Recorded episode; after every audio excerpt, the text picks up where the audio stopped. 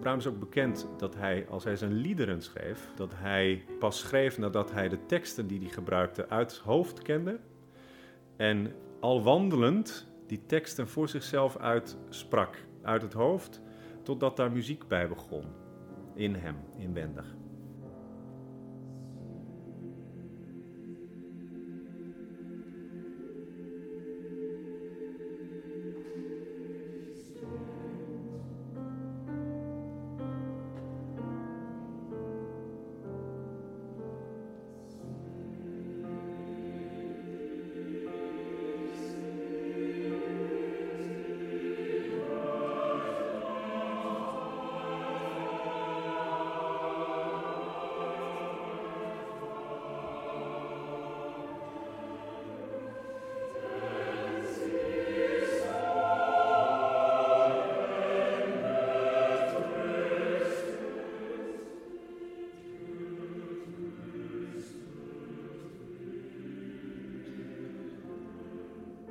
Dus dat is echt belangrijk. De inhoud van de woorden verbonden met de noten.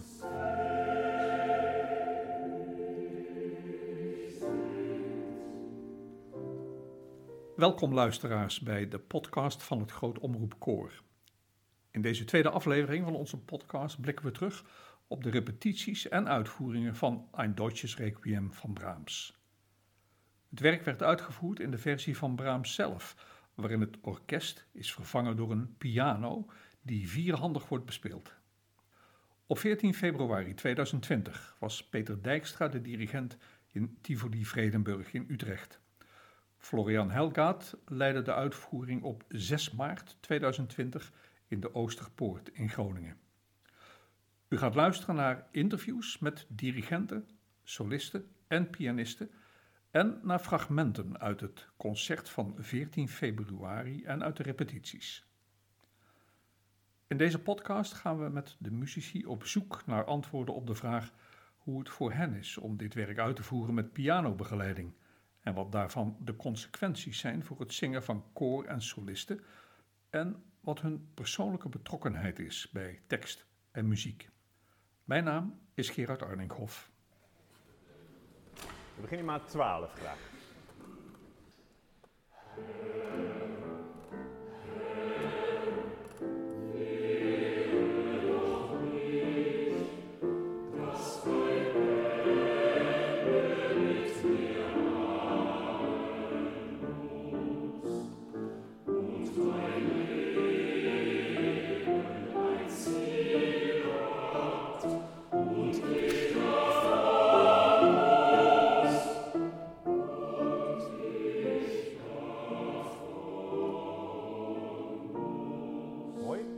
Let op dat niet, doordat we gevraagd hebben om iets korter bij und ich, dat de T dan niet vroeger komt. Want dat doen nu sommige mensen. Und ich, und ich. Die blijft laat. Passen daarvan.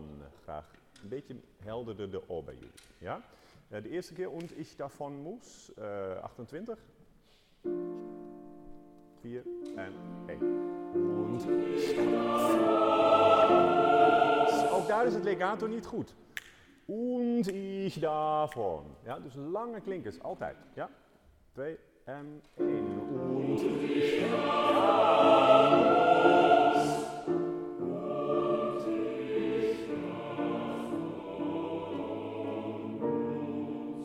Juist, mooi. Goed, nog één keer graag. Vanaf maat 12. U hoorde in dit fragment hoe dirigent Peter Dijkstra meespreekt met het zingende koor om zo dat wat het koor hem aanbiedt te spiegelen aan zijn innerlijke klankvoorstelling.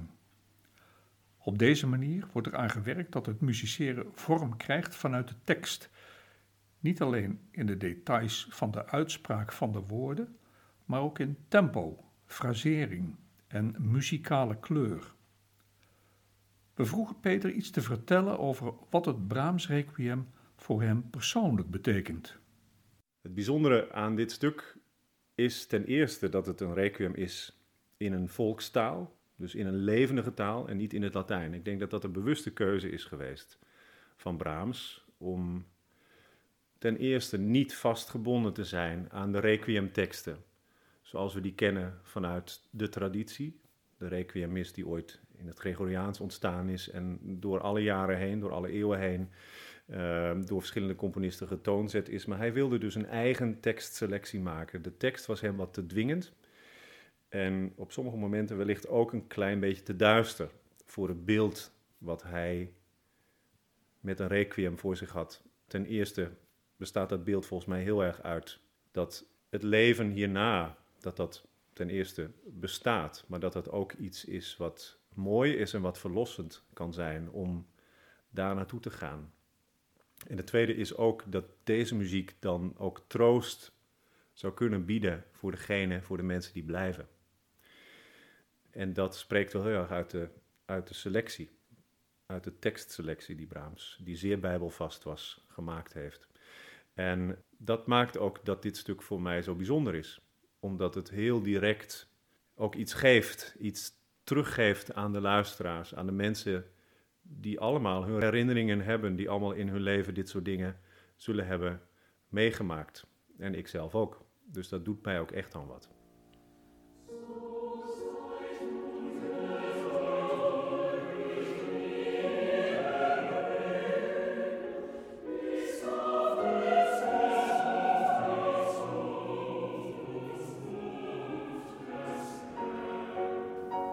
Wat vraagt de uitvoering van dit werk van de koorzangers? Ik geloof dat als je de partituur bekijkt, is er vrijwel geen bladzijde waar het koor niet zingt. Brahms uh, heeft alles uit de kast gehaald om het koor zich vooral niet te laten vervelen en uh, ze veel te geven. En ik denk dat dat een grote uitdaging is. Die diversiteit aan expressie naar voren te halen, maar vooral ook met het koor te trainen. Dat dus dit werk volledig kan zingen en een soort uithoudingsvermogen kweekt. Ik noem het wel eens eelt op de stembanden. Dat is echt dat is een grote uitdaging. Het is echt zwaar zingen als je het niet goed doet. Als je het wel goed doet, is het heerlijk zingen. En dat verschil dat is makkelijk gezegd en helemaal niet zo makkelijk uh, bereikt.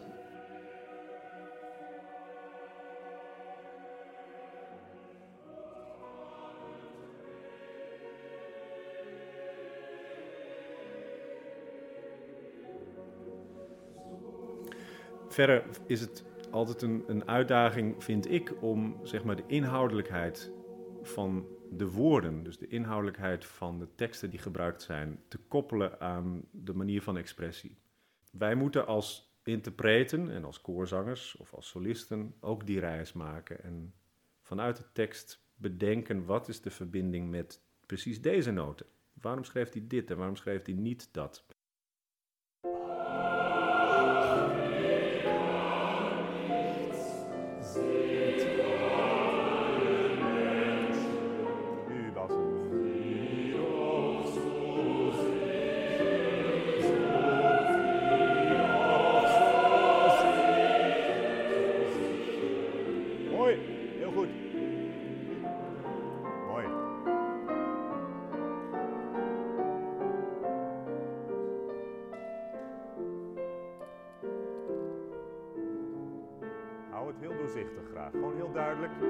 Evangelio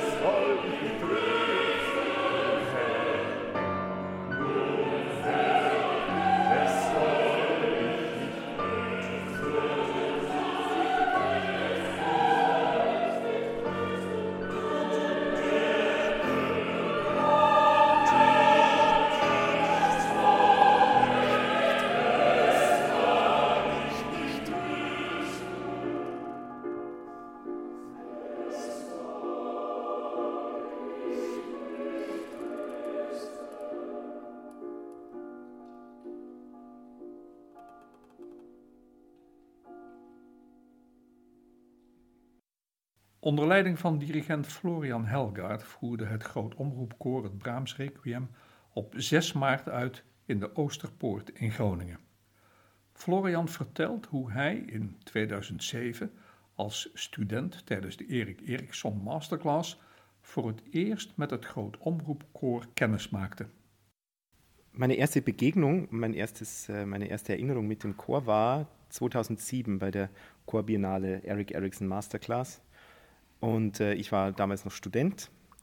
Und das war für mich eine ganz, ganz aufregende und tolle, wunderbare Erfahrung, weil wir haben zuerst eine Woche lang nur mit, mit zwei Lehrern gearbeitet, mit Simon Halsey und Robert Sund. We hebben daar eerst een week alleen met twee docenten gewerkt, Simon Halsey en Robert Sund. En daarna hebben we het koor ontmoet. getroffen sind. Und das, ich weiß es noch sehr gut, mein erster Auftrag war, warum ist das Licht gegeben von Brahms. En ik weet nog heel goed, mijn eerste opdracht was te werken aan het motet Waarom was das Leben gegeben van Brahms? En dat was voor mij een moment dat ik dacht, wauw, wat is dit voor geluid? Wat voor instrument is dit? Wat voor klank? En dat was een ongelooflijke ervaring. En ik herinner me ook nog heel goed dat de masterclass zo was opgebouwd dat niet alleen de docenten, maar ook de koorzangers ons feedback hebben gegeven. Veel van de opmerkingen die ik toen kreeg, heb ik nu nog in mijn achterhoofd. Juist de subjectieve beleving van de zanger zelf was voor mij van waarde.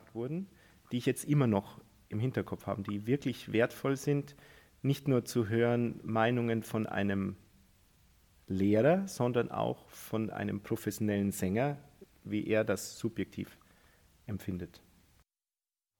Wat betekent het voor koor en solisten dat ze in deze versie niet door orkest, maar door piano worden begeleid?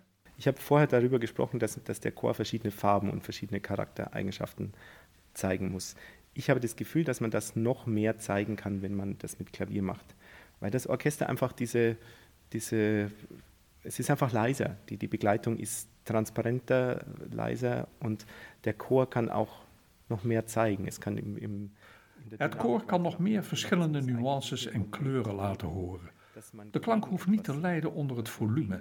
En ik geniet er bijzonder van hoe gedetailleerd en fijnzinnig er gewerkt kan worden in deze versie. Weil der Klang irgendwie nicht mehr so schön frei klingen kann. Und das ist das Schöne, was ich genieße in der Klavierfassung, dass man sehr fein, detailliert, äh, klanglich sehr fein arbeiten kann.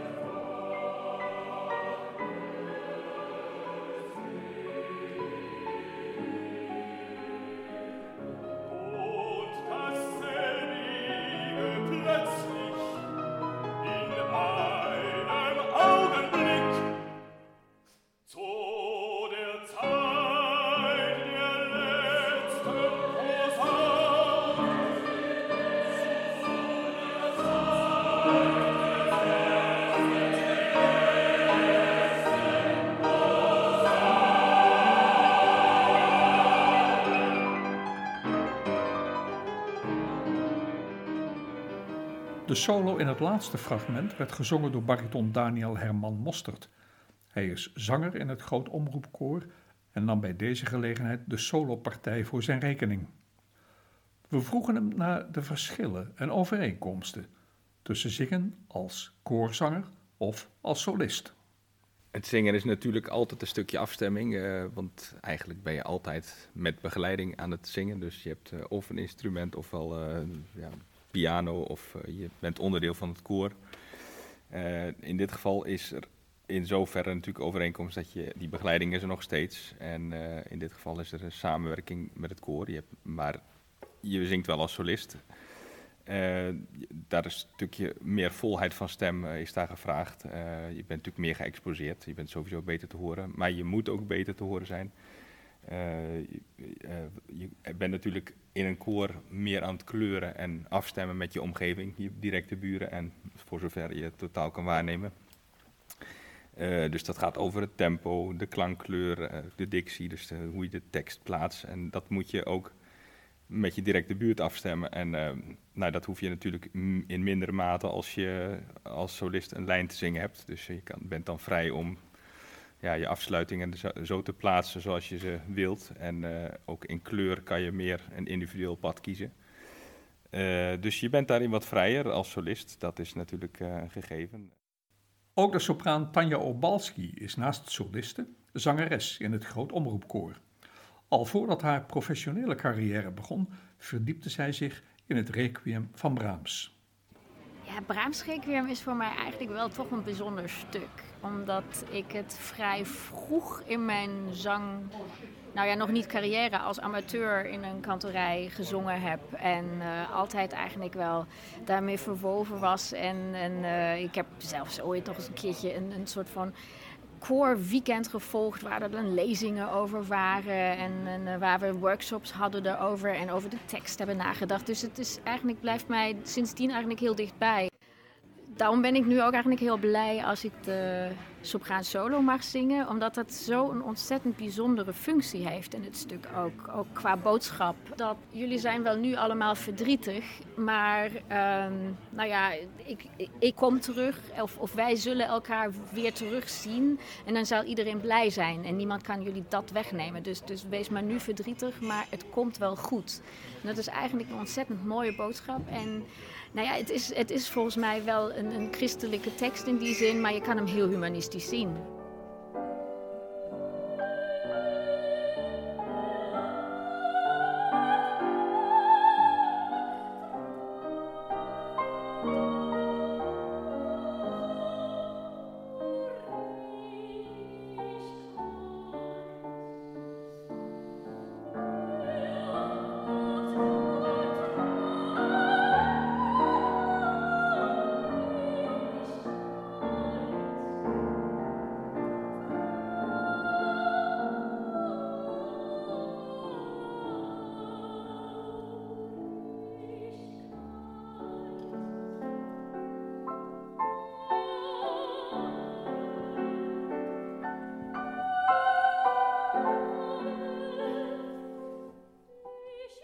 Vaste pianist van het Groot Omroepkoor is Ben Martin Wijand.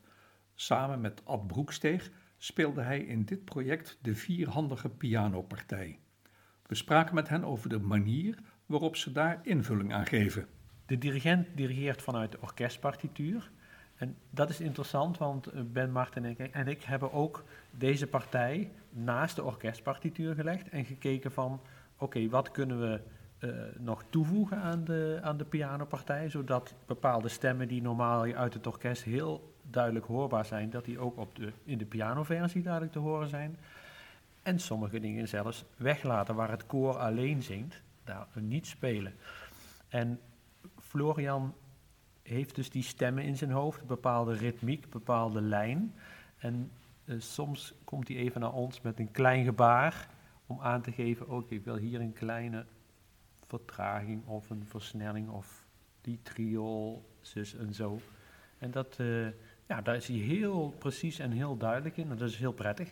In het eerste deel, dat is al meteen al tamelijk in het begin, daar heeft Brahms uh, eigenlijk, de compositie zelf is daar een dialoog tussen koor en orkest.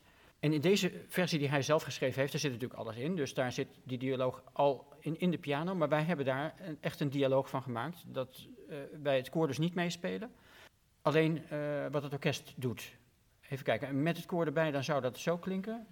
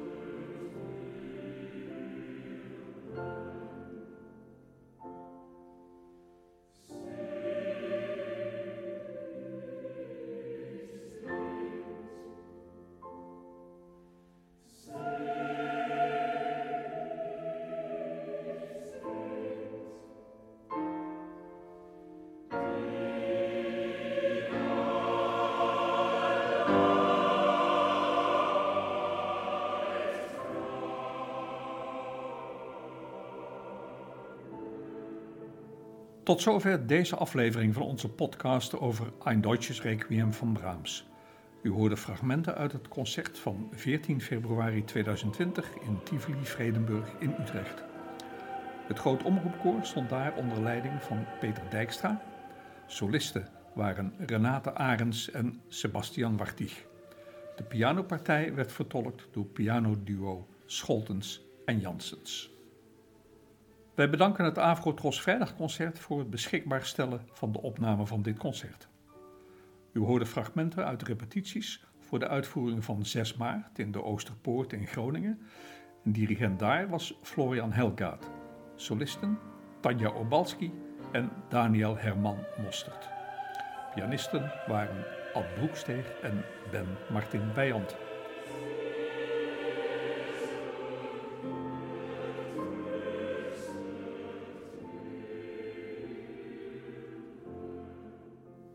Opnames voor deze podcast werden gemaakt door Alan Belk. Jan van Zelm maakte de montage. En deze podcast wordt u aangeboden door de vrienden van het Groot Omroepkoor.